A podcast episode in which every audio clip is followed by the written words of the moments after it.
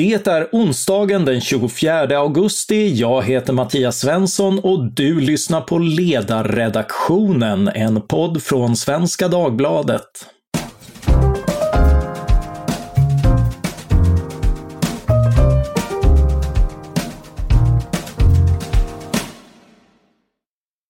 Dagens ämne är den eviga drömmen om socialismen. Ett ämne man kan tycka är mer lämpat för en seminarieövning än för valrörelser. Eller som obehagligt nära i en tid då till och med borgerligheten förespråkar nya prisregleringar, lite beroende på läggning och definition. Någon som vuxit upp med både drömmen och dess begreppsvärld är författaren Magnus Utvik, aktuell nu med boken Partiet som kom in från kylan, från Z till Nooshi, utgiven på Timbro förlag. Välkommen Magnus! Tack ska du ha! I inledningen av den här boken skriver du eh, “Den socialistiska visionen gör Vänsterpartiet och Ung Vänster unikt i svensk politik”. Vad går den socialistiska visionen ut på och vad gör den unik för Vänsterpartiet? Ja, visionen handlar ju om att eh, partiet vill skapa ett nytt politiskt och ekonomiskt system, socialismen. Och det här socialistiska samhället ska efter lång tid övergå i ett eh, kommunistiskt eh, klasslöst samhälle. Det handlar alltså inte om att lappa och laga i kapitalismen utan att vända upp och ner på hela samhällssystemet och göra någonting helt nytt. Och den är ju väldigt unik för eh, när det gäller de svenska riksdagspartierna. Och många tänker kanske inte att Vänsterpartiet har kvar en kommunistisk vision idag. Jo, det har man på så sätt att man i partiprogrammet skriver att partiets slutmål med hela den politiska verksamheten är just ett, ett klasslöst samhälle. Och i marxistisk eh, terminologi så är ett klasslöst samhälle exakt samma sak som ett kommunistiskt samhälle. Och jag vill nog säga att det är en väldigt eh, eh unik eh, vision för ett eh, riksdagsparti. Och den visionen har sett likadan ut sedan Vänsterpartiet bildades 1917. Ja, din, eh, din bok, är, det korrekt att säga att det är en, eh, en idéhistorisk genomgång av, av Vänsterpartiets utveckling under de här drygt hundra åren? Ja, det låter väldigt, jag har inte tänkt på det på det viset och det låter väldigt fint. Eh, så jag har mest tänkt att boken handlar om partiets, alltså hur den här visionen om socialismen och det klasslösa samhället, hur den har utvecklats genom partiets historia och hur den här visionen ser ut idag. Samtidigt som jag också tar upp hur partiet tänker sig vägen till eh, socialismen. Eh, men idéhistorisk ehm, skrift, det låter, eh, ja absolut, det kan jag dela. Ja, och, du har redan varit inne på det. Hur, hur pass annorlunda är den här visionen numera jämfört med när den formulerats tidigare? Ja, märkligt nog så är den inte speciellt annorlunda mot hur den formulerades 1917 eller 1921 då svenska eh, Sveriges socialdemokratiska vänsterparti blev Sveriges kommunistiska parti och en del av kommunistiska internationalen. Eh, det är precis som jag innan nämnde, det handlar om en stark klasskamp som utvecklas till en revolutionär situation. I denna revolutionära situation så ta partiet med hjälp av de breda arbetarmassorna makten genom en socialistisk revolution, genomför det, eller inrätta det socialistiska samhället, det som på 20, 30, 40-talet kallades för, kallades för proletariatets diktatur. Och det här samhället med tiden eh, utvecklas mot ett kommunistiskt klasslöst samhälle. Eh, det är samma vision i grund och botten eh, som fanns redan 1917, så på det viset har inte partiet ändrats. Och jag tänker också att Vänsterpartiets eh, legitimitet för dess egna väljare och deras egna, särskilt aktivisterna, ligger i att partiet är ett samhällsomstörtande parti. Ett revolutionärt parti som kanske inte idag talar om revolution, men att gå från kapitalism till ett helt nytt politiskt och ekonomiskt system. Det är svårt att se att detta inte är en revolutionär förändring av samhället. Och Det var precis så som också så som C.H. Hermansson i sin bok från 1983, Socialism på svenska, eh, definierade ordet, social, definierade ordet revolution. Vi ska titta, eh, gå i studiecirkel som om det vore 70-tal och, och, stanna upp vid ett par storheter och begrepp som jag tycker du, eh, du har intressant syn på och utveckling av i boken. Om vi börjar med demokratin. Hur utvecklas synen på demokratin hos eh, Vänsterpartiet under den de här åren och vad menar de med demokrati? Det första man kan säga om Vänsterpartiet fram till murens fall, eh, i alla fall, det är ju att demokratin är aldrig synonym med kapitalismen. Kapitalismen är ett, en, en borgarklassens diktatur över de stora arbetarmassorna. Kapitalismen kan aldrig på det viset vara demokratisk. Den kan vara mer eller mindre okej okay att leva i, men aldrig en demokratisk eh, stat. Eh, socialismen däremot är en demokratisk stat eftersom den vilar på arbetarklassens makt, det stora folkflertalets makt. Det måste man ha med sig när man tänker på Vänsterpartiets politik. Särskilt hur partiet uppträdde och betedde sig och formulerade sin politik fram till 1990. Så där har vi liksom partiets syn på demokratin. Ehm, men den här synen ändrade sig också från att ha varit ett socialism med enpartisystem som gick under namnet proletariatets diktatur till att man på 50-talet eh, också in, sa att socialismen kan innebära ett flerpartisystem och att kapitalismen hade varit mer livskraftig än vad man kanske trodde från början. Men det har ju hela tiden funnits det här revolutionära elementet om att skapa ett helt nytt samhälle. Så när, när, man växlade från, från början var man emot demokratin i den, eh, i den bemärkelse vi haft demokrati i Sverige, allmän lika rösträtt, eh, en, en pluralitet av partier, inklusive socialdemokratiska och borgerliga partier, ett antal fri och rättigheter som garanteras den, den rösträttsbemyndigade individen. Det, det var alltså en borgerlig demokrati som man var emot. Det är en falsk, en falsk borgerlig demokrati. Som alltså man sa, arbetarklassen har kämpat sig till vissa rättigheter men kan aldrig få fullständiga rättigheter. Kapitalismen är en falsk demokrati och socialismen är en riktig demokrati. Eh, eller en äkta demokrati. Eh, så de här, man, man, man kallar det ofta det en falsk demokrati eller ett skådespel, alltså demokratin med dess till ytan omfattande rättigheter för folket är ett skådespel för att lura i arbetarklassen och vanliga människor att de lever just i en demokrati. Men så är det inte. Det är det som kommunistpartiet i Sverige har försökt att liksom visa eller avslöja hela tiden under kapitalismens framväxt. Och på senare år när man gjort upp eh, med den här synen, vad, vad, vad där, eh, hur ser bejakandet av demokratin ut eh, idag? Ja, idag så ser man ju, anser man ju att ehm, eh, vi lever i en eh, parlamentarisk demokrati.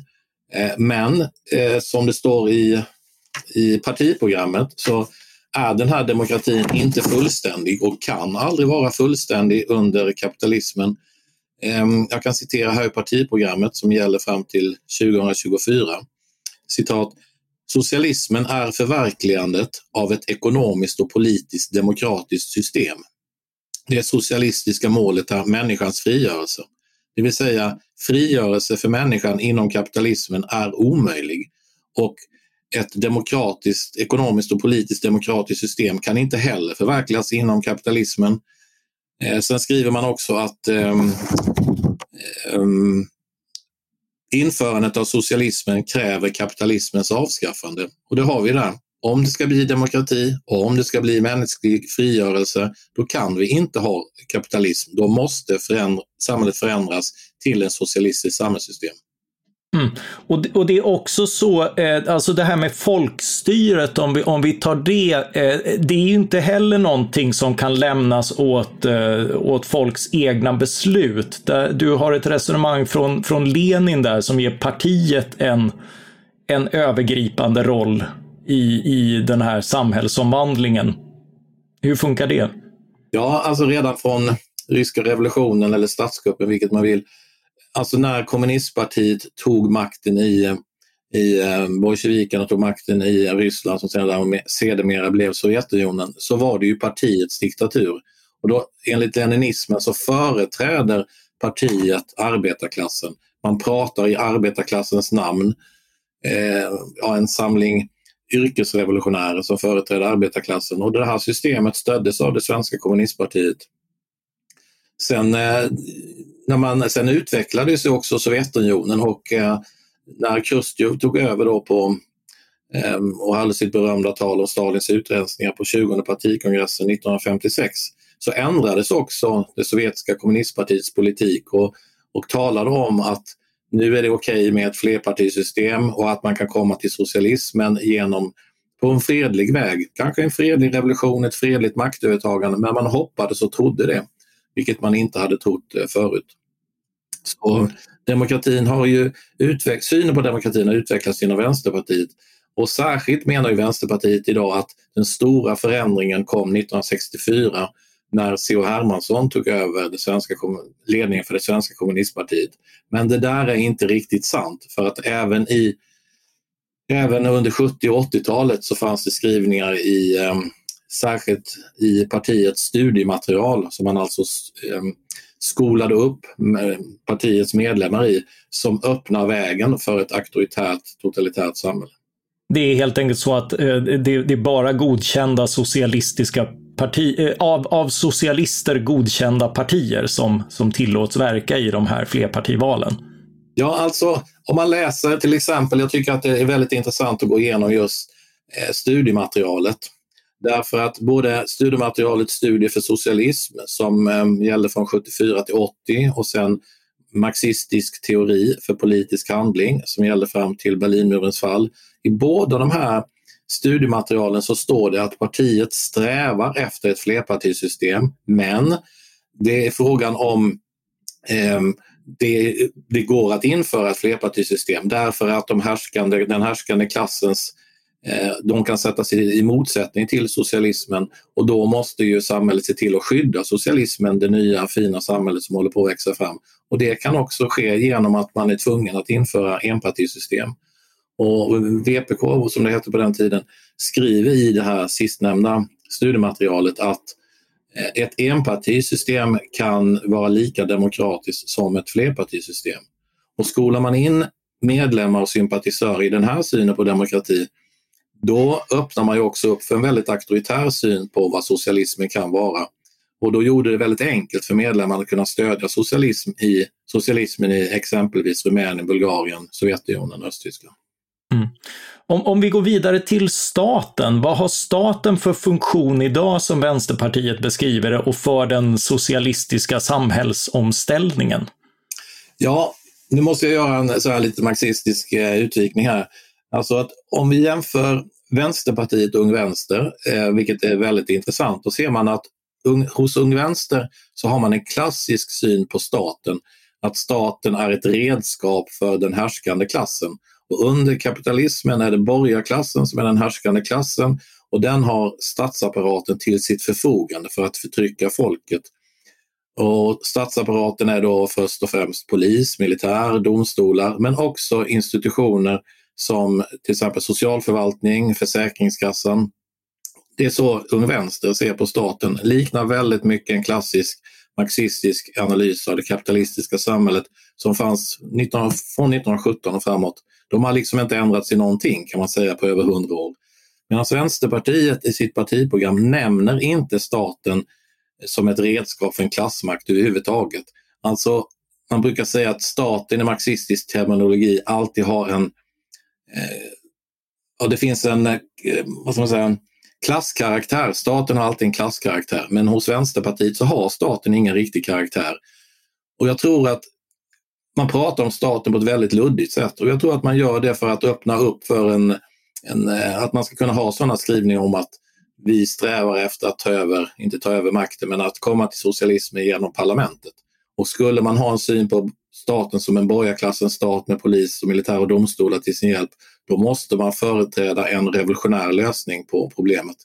Men nu kan man alltså, slipper man att göra det. Så den här luddigheten kring staten är väldigt smart från Vänsterpartiets sida. Annars hade man partiet fått gå in i en valrörelse som nu och säga att vi måste sopa bort polis, militär, domstolar och alla andra myndigheter som gynnar staten i kampen för socialismen och det hade inte gått. Mm. Eh, ett tredje begrepp är ju då kapitalismen som du varit inne på som ska avskaffas. Vad är kapitalism enligt den här definitionen och vad innebär det att den ska avskaffas? Ja, kapitalismen är ju helt enkelt ett, eh, ett fåtalsvälde. Eh, alltså ett ekonomiskt system, marknadsekonomi, som styrs av en, en ekonomisk och politisk elit som man kallar för borgarklassen, en liten girig del av befolkningen och den här borgarklassen står i motsättning till arbetarklassen. Där har vi den klassiska marxistiska motsättningen i samhället. En annat sätt att uttrycka detta på är motsättning mellan arbete och kapital. Det är det som är grunden för själva klasskampen. Eh, jag kommer inte ihåg resten av frågorna. Eh, ja, alltså vad, vad, innebär det att den ska avskaffas? Är det, är det alla former av eh, frivilliga penningtransaktioner? Ska man få starta och driva ett företag? Är det en begränsad skala? Eh, är, är det okej okay så, länge, eh, så länge alla frivilligt är med på det eller, eller är det är, är, ska, ska, får det inte vara för stort? Eller vad är det för typ av restriktioner jämfört med idag som, som är aktuella? Ja, när Jonas Sjöstedt, före detta parti, tidigare partiledare för Vänsterpartiet, var intervjuad i Agenda förra valet, då fick han frågan om vad socialism var för honom. Och då sa han att arbetarna äger, eh, arbetarna och de anställda tar över företagen, till exempel Ikea och eh, Hennes och Mauritz. Det var den klassiska definitionen av socialism. Och om man ser det på det viset så innebär det ju att man alla stora företag i Sverige och också ett förstatligande av bankerna kommer att inträffa efter det socialistiska maktövertagandet. Medan småföretagen tänker man ju inte röra dem. Och det tänkte faktiskt inte VPK röra heller på 70 och 80-talet. Så man har varit ganska snäll mot den människan som har haft en liten frisörsalong eller ett bageri. Eh, sådana saker fanns ju faktiskt i de traditionella socialistiska staterna också till viss del. Men Vänsterpartiet vet egentligen inte och är väldigt luddiga i sitt partiprogram vad det innebär att avskaffa kapitalismen. Ibland så ser jag de här skrivningarna om socialism, det klasslösa samhället, avskaffandet av kapitalismen mer som saker som finns med därför att de alltid har funnits med i Vänsterpartiets program. Men partiet har ingen politik för att genomföra det här, eller i alla fall inga, ingen tydlig politik för att avskaffa kapitalismen. Det, det, är lite som republiken i socialdemokratins program kanske? ja, absolut. Alltså man vill ha en republik, men hur det ska gå till, det vet man inte och vi tänker inte avskaffa det nu i alla fall. Men man kan nog säga att Vänsterpartiet kämpar efter i den dagliga politiken att skapa små socialistiska öar i ett kapitalistiskt samhälle, i marknadsekonomin. Och när Jonas Sjöstedt i förordet till boken Nordisk socialism ska skissa på en svensk socialism, då säger han att titta på hur Sverige fungerar idag och det mest socialistiska han kan hitta i Sverige idag är biblioteken. De är avgiftsfria, eller gratis som det heter i Vänsterpartiets vokabulär. Och där finns hur mycket kunskap som helst som kan få dig att förstå världen och förändra världen. Så någonting som är kommer till staten, samhället och som är gratis för invånarna, det är en liten socialistisk ö i det kapitalistiska samhället så, tycker jag, så tror jag att man, de flesta vänsterpartister ser på eh, kapitalismen ett långsamt avskaffande av rycka bort kapitalets makt över människorna på, på fler och fler områden i samhället. Så tror jag man kan uttrycka. Mm. Eh, utopier är ju ofta skönmålande om vi går över, eh, men också rätt avslöjande. Eh, jag tycker att du fångar det i en passage i bokens sammanfattning. Du skriver eh, Kommunismen är ett idealistiskt tillstånd där inga förändringar längre behövs. Inga nya frågor ställs, alla vet sin givna plats och ingen försöker bryta sig ur ramarna, vare sig socialt eller intellektuellt. Lycka för människorna blir inte andlig eller kreativ utveckling utan en fråga om rättvis distribution av livets goda. Det är detta utopia som den svenska vänstern vurmar för, en tämligen blek och fantasilös framtidsvision. Varför är den blek och fantasilös? Ja, nu bara spåna lite personligt här, men varför jag sökte mig till den kommunistiska rörelsen i början när jag var 13, 14, 15 år var ju för att partiet Ehm, var väldigt inriktad på kamp och för att avslöja orättvisor i samhället. Det var ju ett, ehm, konfrontativt parti och den här konfrontationen med krafter i samhället som vi ansåg hade makten och som styrde över våra liv, den var ju brutal vissa gånger, om inte annat språkligt. Den där kommer ju helt att ta slut under, under ehm, det klasslösa samhället. Vad finns det för anledning att skriva böcker som utmanar systemet när det inte finns något system att utmana? Vad finns det för anledning att skapa konst eller eh, sträva sig fram i, på sitt arbete om man inte kan få ståla och köpa någonting för eller att eh, göra den här extra semestern eller någonting utan alla har det lika bra. Eh, alla kan ställa ut sin konst oavsett om den är bra eller dålig. Vad ska man ha levande diskussioner till eller möta olika argument om egentligen allting är liksom helt motståndslöst, om det inte finns några konflikter att reda ut någonting om det, det för, för mig förefaller det som att ungefär som att ligga i hängmattan 24-7 och äh, dricka bubbel. Det är ju jättekul i en vecka, sen blir det bara väldigt trist. Ja, jag tänkte också att det lät som en, en evig semester och, och, det, kan väl, det kan väl vara trevligt på, på ålderns höst som något att i det personliga livet se fram emot, men för ett samhälle är det kanske inte lika lika givande. Men jag, alltså jag, jag funderar ofta på vad vänstermänniskor ser för gott i detta klasslösa samhälle. Men man måste komma ihåg att hela kommunistpartiets utveckling och från grundandet 1917 har handlat om att klassorättvisor är fruktansvärt och eh, det måste motarbetas på alla sätt. Och det är där känslan om jämlikhet kommer in. Och det klasslösa samhället, där finns det inga klasser, inga motsättningar mellan grupper. Alla har lika stor chans att att utveckla sig och förverkliga sin kreativitet och konstnärlighet. Det är dit man vill komma. Men eh, det kommer att bli ett, eh, eller kan bli ett väldigt tråkigt samhälle. Ja, VPK har ju, har ju någon gång försökt, i, säkert i studiematerialet Studier för socialism, försökt att måla upp bilden av den här socialismen. Och en av bilderna man har i det studiematerialet är att under kommunismen så kommer eh, maten att delas ut i kollektiva matsalar det var den visionen man hade på 70-talet. Men vem fan vill gå till en kollektiv matsal och, och någon som ställer fram en skål gröt till en och tänka att detta är paradiset? För mig går inte det ihop och jag undrar om man verkligen var sugen på det 1970-talet heller. Nej, de där försöken att organisera utopier har ju, har ju precis som mycket annat inte, inte varit speciellt varaktigt. Eh, du är ett, i ett kapitel ändå inne på att att författare och konstnärer får en ny och heligare roll än inom kapitalismen och att det, det kan locka. På vilket sätt? Ja, alltså de intellektuella har hela tiden i den kommunistiska rörelsen haft en väldigt svår roll. Dels så ska de ju tillföra kunskap åt den kommunistiska rörelsen och arbetarklassen. Å andra sidan så har de alltid av kommunisterna sett som väldigt ett vacklande element som kan köpas upp av borgarklassens propaganda men som i bästa fall kan användas för kampen för socialismen. Och redan på 70-talet så såg man i VPKs partiprogram och sånt där att man, eller inte utan snarare kongressrapporter, att eh, partiet officiellt varnade för att det blir för mycket intellektuella i partiet. Vad ska de ta vägen? Vad ska de göra för någonting? Och då blev det ju så att Tänk att vara intellektuell inom vänstern och kunna få tillföra arbetarklassen kunskap. Eh, men i vänsterns i allmänt så handlar det inte så mycket om att tillföra kunskap utan snarare läxa upp människor om vad de ska tycka och tänka och vad de ska sträva efter i livet.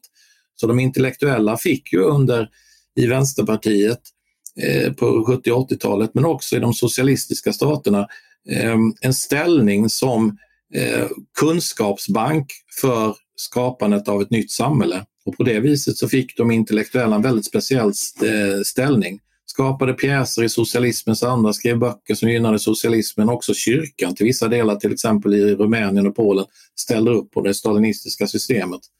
Det gav många intellektuella en känsla av att betyda någonting och inte vara en marginaliserad grupp som satt med runda glasögon och ansågs vara kufar som inte vågade arbeta inom industrin. Utan de intellektuella fick en rollen av vägledare fram mot det klasslösa samhället. Jag minns, eh, jag läste en bok om eh, eh det här vars, eh, The House of Government om, om Sovjetperioden och den tidigare och där där konstaterade författaren lite syrligt att eh, eh, att, att man kunde skilja de religiösa predikanterna från, eh, från de kommunistiska agitatorerna genom att, man, eh, genom att de religiösa predikanterna kunde vara arbetarklass medan de, eh, de marxistiska nästan ofelbart var från, eh, var från akademiska kretsar. Eh, ja, det är mycket möjligt att det var så.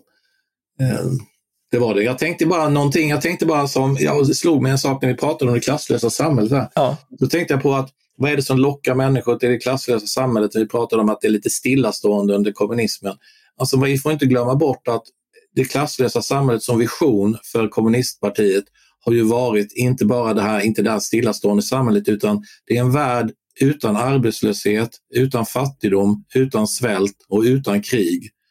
Och idag kan vi lägga till utan eh, klimat, då, eh, utan liksom accelererande klimatförändringar.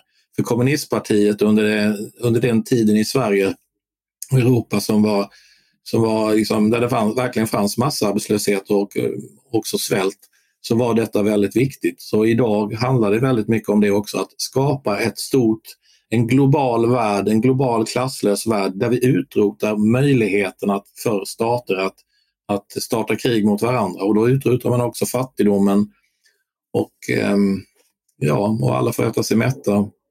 Det är en väldigt, väldigt mäktig vision om att skapa ett paradis på jorden. De här materiella sakerna är väldigt viktiga för den kommunistiska visionen.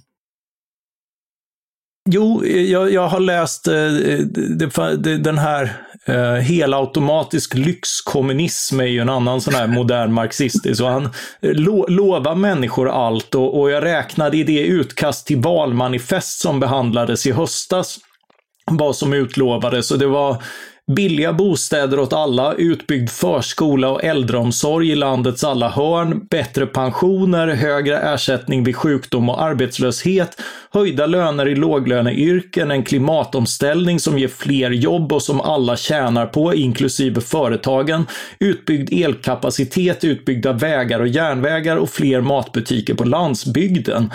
Eh, det låter ju också väldigt trevligt. I vilken utsträckning är det här en, en ny vision? Alltså jag tycker att det här som du räknar upp nu, det låter precis som många andra partiprogram har låtit sedan 1917. Alltså att ha den här liksom, vad ska man säga, överbudspolitiken i samhället. Man tar, det innebär att man talar om för väljarna att så här vill vi att vårt samhälle ska se ut. Men det kommer aldrig att förverkligas inom det kapitalistiska systemet. Vi kommer alltid bli anklagade för att vara överbudspolitiker. Jag tror inte man ska se de här kraven som dagskrav som man tror att man någonstans kan infria under kapitalismens ramar utan man vill tala om att det här är det som vi lovar i framtiden som kommer i nästa, nästa samhällssystem, det vill säga det socialistiska systemet. Så ska man nog se de här kraven och inte som dagskrav. För visst är det en överbudspolitik men kommunisterna har ingen eller ett revolutionär organisation har ingen, inga problem med att ställa ut krav som kapitalismen eller det nuvarande systemet aldrig kan eh, förverkliga. Men det, är ju också som du går in på en del av historiken i, i synen på sociala ekonomisk och ekonomiska rättigheter inom de stater som har försökt att skapa socialism. Att en förmildrande omständighet också med diktaturerna i öst är den trygghet som gavs av att arbete, mat och bostad och andra saker man behöver var, var rättigheter och skulle vara billiga eller gratis du går igenom lite grann hur det var med, med det löftet. Ja, alltså det är ju ett, jag vill inte vara för tuff i en polemik, men det är ju ett skämt att, för, att, eh, att, att um, påstå någonting som Vänsterpartiet gör i sitt, i sitt uh, studiematerial som heter Socialistskolan. Alltså man, upp, man läxar upp, eller inte läxar upp, man utbildar sina medlemmar och aktivister idag i, i, i den här helt felaktiga synen på att det skulle funnits eh, så mycket sociala rättigheter i de socialistiska länderna som rätten till mat, sjukvård, bra billig hyra och alltihopa. Alltså det räcker att läsa dissidenter, oliktänkande från Polen, Rumänien, DDR, Sovjetunionen för att förstå att så där var det inte. Eh, jag menar, det är, om man läser um, Marchenko som var den sista politiska fången som dog i fångenskap i Sovjetunionen. Genom hans böcker som handlar om ett helt liv som oliktänkande dissident i Sovjetunionen så finns det ett ord som går som en röd tråd och det är ordet svält. Alltså svält i arbetsläger, svält på mentalsjukhusen, svält i samhället, en utbredd alkoholism, människor som inte har något jobb, som bara går och driver omkring i samhället. Eller så blir de inburade på ett, i ett arbetsläger för att de blir anklagade för social parasitism. Eh, den staten som vänstern har älskat att titta på har ju varit dels Kuba men framförallt Östtyskland. Och det är säkert så att människor genom fick betala eller fick för sin tystnad och för sin brist på kritik mot systemet och demonstrationer och upplopp och strejker fick en viss social trygghet. Så var det säkert när det gäller Östtyskland. Men som helhet och särskilt om man granskar Rumänien så ser man ju inte bara ett politiskt eh, förtryck utan också en utbredd fattigdom och eh, den dekadensen som, man har, som kommunisterna alltid har skyllt kapitalismen för, den kunde man verkligen se i Rumänien. Så att Vänsterpartiet har kvar den här synen idag, alltså den är fullständigt skrämmande. Och det mm. framgår ju också av min bok att jag har ju skrivit till Vänsterpartiet och frågat att var fick ni de här uppgifterna ifrån? Var grundar ni er den här synen på de socialistiska staterna på? Vilket material utgår ni ifrån? Men jag har ju inte fått något svar. Och jag har inte fått något svar även från Vänsterpartiet eller, eller Ung Vänster om andra frågor om partiets politik heller. Trots att jag har ställt dem väldigt snällt och väldigt artigt med respekt mot partiets politik. Ja, du tar upp en hel del eh, konkreta företeelser kring eh, Vänsterpartiets historia som, eh, som innebar under de 70 första åren lite drygt vänskapliga förbindelser med diktaturen i Östeuropa och Sovjetunionen. Och därefter tog man avstånd från den gemensamma kommunistiska ideologin och från styret och diktaturen i, i samhällena. Och det där är nu drygt 30 år sedan och, och de som sitter i ledningen för Vänsterpartiet idag var knappt födda då. Varför är det relevant att påminna om de historiska förbindelserna eh, med kommunistiska diktaturer? För det första för att dagens medlemmar och aktivister inte ska glömma var partiet kommer ifrån. Lika, lika, lika viktigt som det är för med SDs eh, vitbok att eh, dagens unga sd ska veta att man kommer ur den rasistiska och nazistiska rörelsen så bör ju också unga vänster och vänsterpartister idag veta var man kommer ifrån och att man stod på de eh, förtryckarnas sida mot eh, man står på förtryckarnas sida mot de förtryckta. Eh, det är väldigt viktigt. Sen så är det ju inte riktigt så att det inte finns någon koppling tillbaka för att Jonas Sjöstedt till exempel som är partiets viktigaste ideolog idag skulle jag vilja säga. Det är han som yttrar sig om socialismen, om hur partiets vision ska se ut. Det gör han på många olika ställen. Eh, han gick med i eh, kommunistisk ungdom 1978 tror jag. Jag gick med 1979. Han fortsatte in i VPK 1983 och han var 27 år när Berlinmuren eh, föll. Han har ju tagit med sig stor del av det här vad ska man säga, kommunistiska kapitalet eller kunskapen eller vilket man nu vill, arvet in i Vänsterpartiet. Och kanske är det krafter som honom som har bromsat utvecklingen mot en grundligare genomgång av partiets historia än vad som faktiskt är fallet. Så jag tror att de här krafterna som finns kvar i partiet har bromsat väldigt mycket och en sån som Aron Etzler till exempel som har ju varit nästan hetsk mot människor som, eller har varit nästan, han har varit väldigt hetsk mot människor som vill ha en grundligare genomgång av historien. Eh, ja, du går igenom det. Det är ofta eh, finns många saker att konstatera där. Eh, de, dels så noterar du eh, på ett väldigt eh, komiskt sätt med, med exempel från Per Ahlmark till dig själv att det tycks vara något personligt fel på alla kritiker. För att vara en, en, en, en, en ideologi med väldigt mycket systemförklaringar så är både dels kritiker har, har personliga drag och dels så förklaras ofta till exempel eh, styret under Stalin och sådär med Stalins personliga drag. Eh, du verkar inte köpa något av det. Eh, nej, det är rätt fantastiskt men du säger att det är en sån här rörelse där man menar att det är kollektivet som driver utvecklingen framåt så lägger ju Vänsterpartiet och Kommunistpartiet, de har lagt otroligt stor kraft på att förtala enskilda individer. Staffan Skott i Sverige, Per Ahlmark, jag har fått min beskärda släng av sleven särskilt på sociala medier med vänsterpartister som är både ombudsmän och sitter i kommunfullmäktige som har hävt ur sig de mest vansinniga saker om mig. att jag är mentalsjuk, att jag gynnar fascismens krafter genom mina eh, ja, undersökningar av Vänsterpartiets historia och så.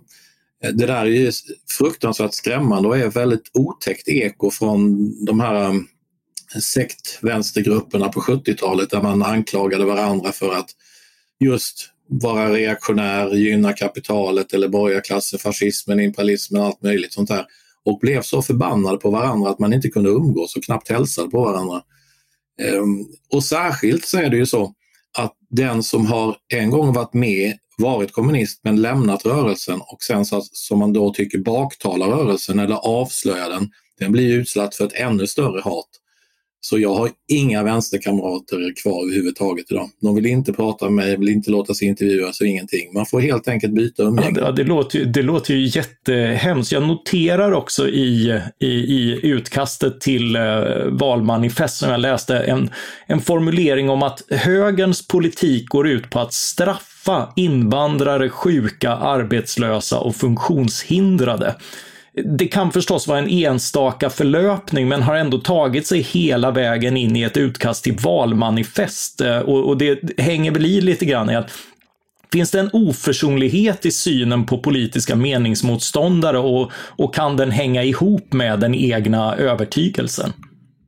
Absolut. Alltså, när, man, när man är kommunist eller vänsteraktivist så är man ju på den goda sidan. Och den goda sidan då kan man göra nästan vad som helst för att införa det här, eh, låta den goda sidan införa sitt eget samhällssystem eller i alla fall gå i den riktningen. Och alla som motarbetar den här framåtriktningen i samhället, alltså den progressiva utvecklingen mot ett fritt och demokratiskt samhälle, de är ju reaktionärer. Det finns, och det är så fantastiskt för att vänstern som är så konfrontatorisk och utmåla folk som reaktionärer. Det finns inga som pratar så mycket om demokrati och frihet som eh, just precis de här krafterna gör. Men oförsonligheten har ju funnits där eh, ända sedan partiets grundande. Men det märkliga är att när man går in i den kommunistiska rörelsen idag eller Vänsterpartiet Ung Vänster idag så hittar man ju samma konfrontativa krafter, samma oförsonlighet, förstöra andra politiska partiers möten, baktala kritiker som mig då inom Per Ahlmark, Staffan Skott. Jag blir ju skrämd när jag ser det. Jag trodde liksom att det där var på utdöende. Nej, nej, nej, det finns hos eh, kommunfullmäktigeledamöter och eh, folk som jobbar inom, eh, som ombudsmän inom partiet. Men särskilt finns det inom ungdomsförbundet. Där finns väldigt starka auktoritära krafter. Vi ska plocka upp den tråden, men jag tänkte att vi, vi ska gå in på ett par konkreta företeelser kring eh, hur historien ändå blir eh, relevant. Och ett en sak du tar upp och även ägnat en egen bok är eh, förhållande till oppositionen i de kommunistiska länderna under diktaturen. För det fanns ju dissidenter och motståndsmän som uppmärksammades också i väst. Ja. Hur var synen på dem då och har den ändrats i efterhand? När de här grupperna eh, kom fram, vilket de gjorde mest på början av 60-talet, både i Sovjetunionen, Polen, Tjeckoslovakien, då hade man en syn på de här grupperna, alltså man, dels försökte man ju tysta bort alltihopa, att det var reaktionära krafter och så. Eh, men sen när Solidaritet, den stora fackföreningsrörelsen som växte fram i Polen i början av 80-talet, när den växte fram och fick nästan 10 miljoner medlemmar, medlemmar då, arbetare, intellektuella, bönder, då kunde man inte negligera Solidaritet längre. Eh, eller den här stora medborgarrättsrörelsen. Och, utan då såg man, då ville man ha en dialog mellan Solidaritet och det kommunistiska partiet, men inte för att införa demokrati i, i Polen. Därför att kapitalismen, som jag sa innan, kan aldrig vara demokratisk, utan för att eh, fördjupa, så heter det, fördjupa den socialistiska demokratin. Så Solidaritet skulle alltså hjälpa kommunistpartiet att bli lite mer demokratiskt så att legitimiteten för det socialismen och det kommunistiska partiet skulle bli starkare hos folket. Sen slog ju mm, Jaruzelski till och förbjöd Solidaritet på juldagen, tror jag det var. Inte juldagen, förlåt, eh, på Luciadagen 1981. Förbjöd Solidaritet och sköt ihjäl strejkande och demonstrerande arbetare. Och då var ju VPK tvunget att ta avstånd då från militären.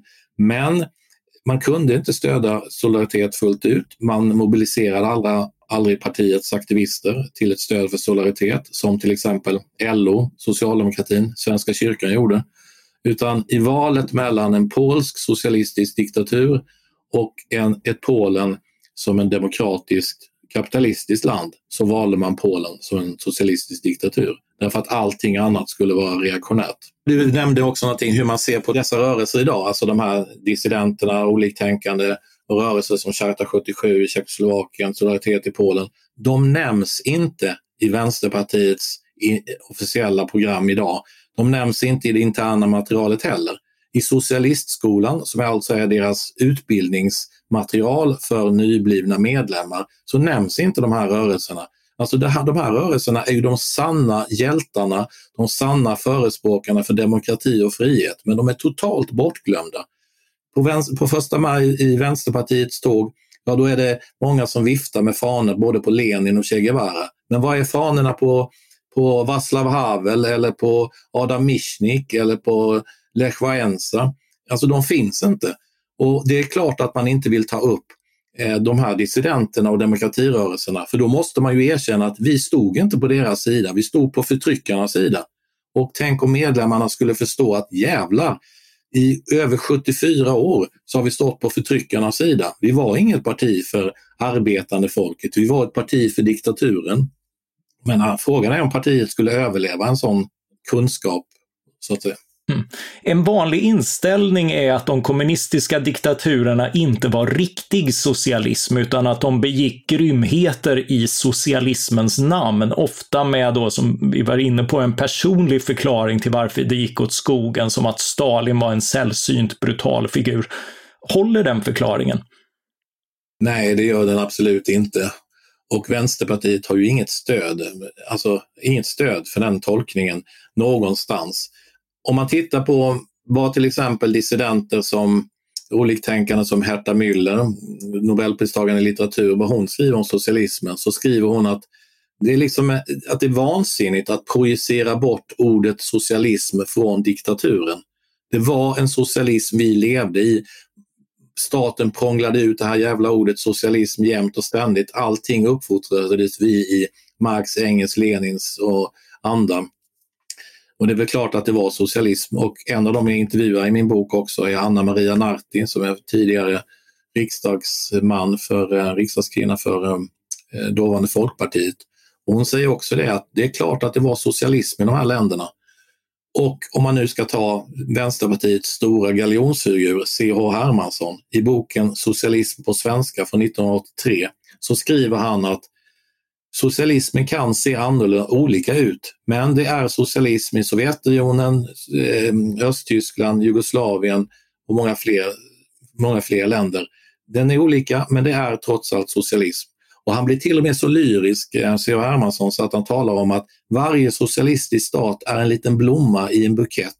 Och vi hoppas att vid 2000-talets början att denna buketten ska bli en väldigt stor och vacker bukett med många olika blommor som doftar olika gott.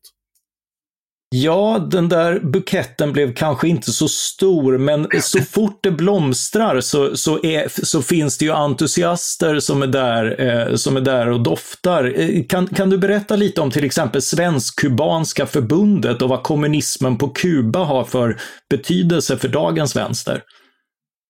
Eh, Kuba är för många inom den svenska vänstern det enda exemplet som finns kvar. Eh, som finns kvar på en lyckad socialism eller det enda landet vi kan, man kan se upp till som, som ett lyckat socialistiskt exempel. Ehm, dels för att revolutionen, vilket många, många anser, också människor som inte stöder Kuba idag, att revolutionen faktiskt var en väldigt folklig revolution. Batista var väldigt avskydd. Och att ehm, so eh, socialismen på Kuba, trots det som man kallar för USAs blockad, har utvecklats eh, väldigt bra, anser man. Och den här Kuba har ju väldigt stark eh, ställning, inom, speciellt inom eh, Ung Vänster. Svensk-kubanska föreningen besöker regelbundet Ung Vänsters olika distrikt runt om i Sverige och så att säga informerar om den kubanska diktaturen och menar att det är så här socialismen ska se ut. Jag ska då i ärlighetens namn säga att Vänsterpartiet anser ju att Kuba är en diktatur. Där är man glasklar på den punkten. Men det finns många, som sagt, många aktivister, både ungdomsförbundet och Vänsterpartiet, som stödjer Svensk-kubanska föreningen som är en riktigt otäck organisation måste jag säga. Ja, du noterar att det är väldigt få exilkubaner eh, som är medlemmar, utan det är svenskar. Ja, det är ju en kuban som jag intervjuar som, eh, eh som heter eh, Alexis Gainza Solensal som kommer från Kuba och var med i Kommunistiska ungdomsförbundet innan han skickades till Sovjetunionen för att bli en ännu bättre kommunist. Eh, men nu är han boende i Sverige. Eh, han säger ju det att det finns inga kubaner i Svensk-kubanska föreningen, möjligtvis andra människor, eller människor från andra latinamerikanska länder, men inga kubaner. Och det här är ju någonting som eh, Svensk-kubanska föreningen skäms över. Men det är väl klart, varför ska man bosätta sig i Sverige om man nu älskar diktaturen på Kuba? Ja, här eh, har vi i podden intervjuat i samband med, med de folkliga protesterna eh, förra året på Kuba så kan man med fördel leta, leta bakåt eh, i poddtråden efter ett avsnitt där exilkubaner berättar om, om styret där. Jag tänkte bara, jag tyckte det var jätteintressant som du sa att ni intervjuat exilkubaner. Jag prenumererar på två vänstertidningar, dels Internationalen och dels Flamman. Och Flamman är ju Vänsterpartiets inofficiella husorgan. Och i Flamman så tänkte jag så här, jaha, nu är det ett år sedan, alltså i juli var det ett år sedan de stora massprotesterna på Kuba. Där folk demonstrerade för yttrandefrihet, mot censuren och för demokrati och frihet. Nu måste väl ändå Flamman som säger att vi stöder inga auktoritära regimer eller någonting. Nu måste ju de här följa upp detta ett år senare, för man älskar ju liksom jubileum när det gäller vänsterpressen och så. Inte ett jävla ord, varken i Internationalen eller i Flamman. Inte i ETC heller har jag sett någonting, eller i, i Arena eller någon annan vänstertidning.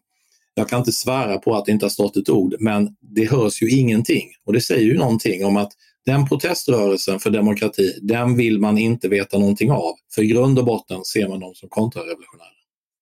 Mm. Eh, om, om vi då tittar framåt, vi, vi har ett vänsterparti som gjort upp med, eller åtminstone inte vill förknippas med, sitt tidigare diktaturstöd. Och linjen tycks snarare vara att profilera sig som en socialdemokratisk vänsterflygel. Om, om, om du, man tittar framåt några år, är det denna väg som Vänsterpartiet kommer att fortsätta? Alltså kommer de fortsätta mot, mot liksom en, en så att säga reformism inom det eh, dagens demokratiska system? Eh, och, och är det den enda vägen framåt? Väldigt intressant fråga. Jag har funderat väldigt mycket på det. Om vi börjar med hur ledningen med eh, där Nooshi Dadgostar är den viktigaste företrädaren, hur de resonerar. I flera intervjuer, bland annat senast i P1s partiledarutfrågning, så läste de upp vissa delar ur partiprogrammet, bland annat det som jag citerat om kapitalismens avskaffande, införandet, ja, kapitalismens avskaffande. Hon vill inte kännas vid en sån skrivning. Hon menar att det här partiprogrammet är gammalt, det ska reformeras och när man läser vad partiet skriver internt så är ju hon på den linjen att hon vill säkert bara ta bort både skrivningen om det, att man strävar efter det klasslösa samhället och kapitalismens avskaffande. Men frågan är om hon får med sig medlemmarna på det. Jag är inte så säker på det. Att vara med i Vänsterpartiet och vara aktivist, då det, som, det, som, det som får en att brinna är ju just visionen om ett socialistiskt samhälle och kapitalismens avskaffande och i slutändan införandet eller att man kommer till det klasslösa samhället. Det är ju därför man är med i Vänsterpartiet. Annars kan man ju lika gärna vara med i något annat parti. Så jag är inte säker på att Vänsterpartiets ledning vinner den här kampen. Och om de här revolutionärerna i, och dogmatikerna från Ung Vänster kommer in i partiet och påverkar partiet på ett sätt, då kan vi mycket väl se att partiet eller partiledningen får, får stryk i de här frågorna och att de här kampen för socialismen, klasslösa samhället, avskaffat kapitalismen, att det blir ännu hårdare skrivningar i partiprogrammet. Det vet vi ingenting om. Men det jag fruktar för, det är ju en ny vänstervåg, populistisk vänstervåg med väldigt starkt, starka auktoritära inslag. Just bara för att man inte har gjort upp med sitt stöd till eh, de eh, totalitära socialistiska staterna. Och man har heller aldrig analyserat de här totalitära socialistiska staterna. Och vet man inte vad som inom citationstecken gick fel där, hur ska man då kunna bygga upp en demokratisk socialism i Sverige? Ja, det är ju en mycket bra fråga. Eh, och, och på den bogen avslutningsvis, du står ju själv vad jag förstår ideologiskt till vänster. Och, och, ändå är det här din tredje bok där du skriver kritiskt eh, om svenska vänsterrörelser. Du skrev den självbiografiska boken med Stalin som gud om dina år i en stalinistisk och Albanien-trogen sekt. Den är mycket rolig. Eh, och i boken Partiet på kant med verkligheten om hur Vänsterpartiet svek den demokratiska oppositionen under sina dryga 70 år av diktaturstöd, vilket vi varit inne på här också. Och nu den här mer idéhistoriska boken Partiet som kom in från kylan, utgiven på Timbro förlag. Eh, du har tydligen förlorat vänner på det eh, och betalat ett socialt pris. Men vad vill du uppnå? Vilket gensvar hoppas du väcka med de här böckerna? Ja, först vill jag bara säga så att eh, jag brukar få frågan, vad står du idag? Och folk skulle älska, säkert på vänsterkanten, om jag sa att nej, nu har jag gått med i SD eller Moderaterna. Då hade de liksom inte behövt lyssna överhuvudtaget.